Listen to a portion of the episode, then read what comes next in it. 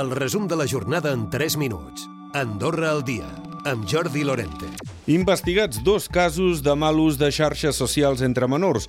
Un d'ells està judicialitzat i l'altre està sent investigat per la policia. Segons s'ha pogut confirmar de manera oficial, els dos casos impliquen imatges íntimes, en un cas reals i en l'altre amb intel·ligència artificial. I els delegats d'empresa no arriben a la desena i s'han de crear mecanismes per afavorir-los.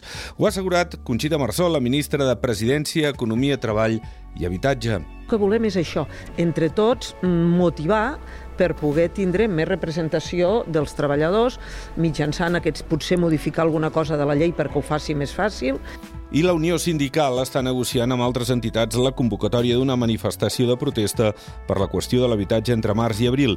A més, està disposat a convocar una vaga al sector sanitari si el SAS no millora les condicions laborals dels treballadors. S'hi ha referit el secretari general de l'USDA, Gabriel Ubach. Una de dos, o de les millores que es faran ara eh, al curt termini, però quan dic a curt termini és calendaritzades i tenim clar el que volem.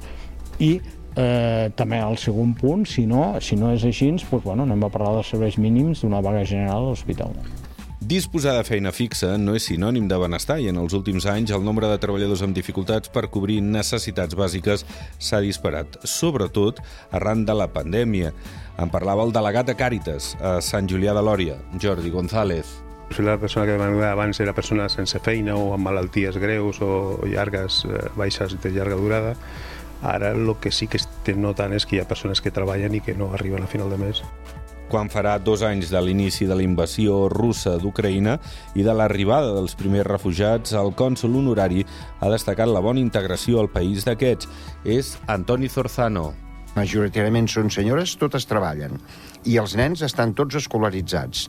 I, a més, no hi ha cap problema a l'escola, que a vegades amb, amb els col·legis hi ha problemes amb els nens, que a vegades són una mica eh, les relacions entre els nens és una mica difícil, doncs no hi ha hagut problemes. Els pagesos de l'Alt Urgell mantenen les protestes previstes per dimarts i dimecres vinent.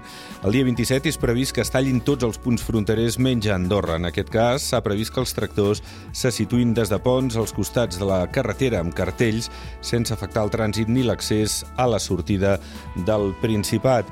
I com avisaven les prediccions, aquest divendres les pistes han despertat amb gruixos de 5 centímetres de neu nova. Una molt bona notícia pels esquiadors. Nos ha encantado levantarnos esta mañana y ver que había nevado este poquito y aprovechar, aprovechar la estación. No sabíamos que iba a nevar porque ayer sí que es verdad que por la tarde se empezó a nublar un poco y parecía como que iba a empezar a bajar la temperatura, pero como ni llovía ni nevaba ni nada, pues no sabíamos que iba a nevar.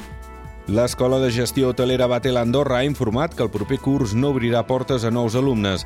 La decisió s'ha pres des de la matriu de l'Escola d'Hoteleria a França per no assolir el nombre d'estudiants mínim. Recupera el resum de la jornada cada dia a AndorraDifusió.d i a les plataformes de podcast.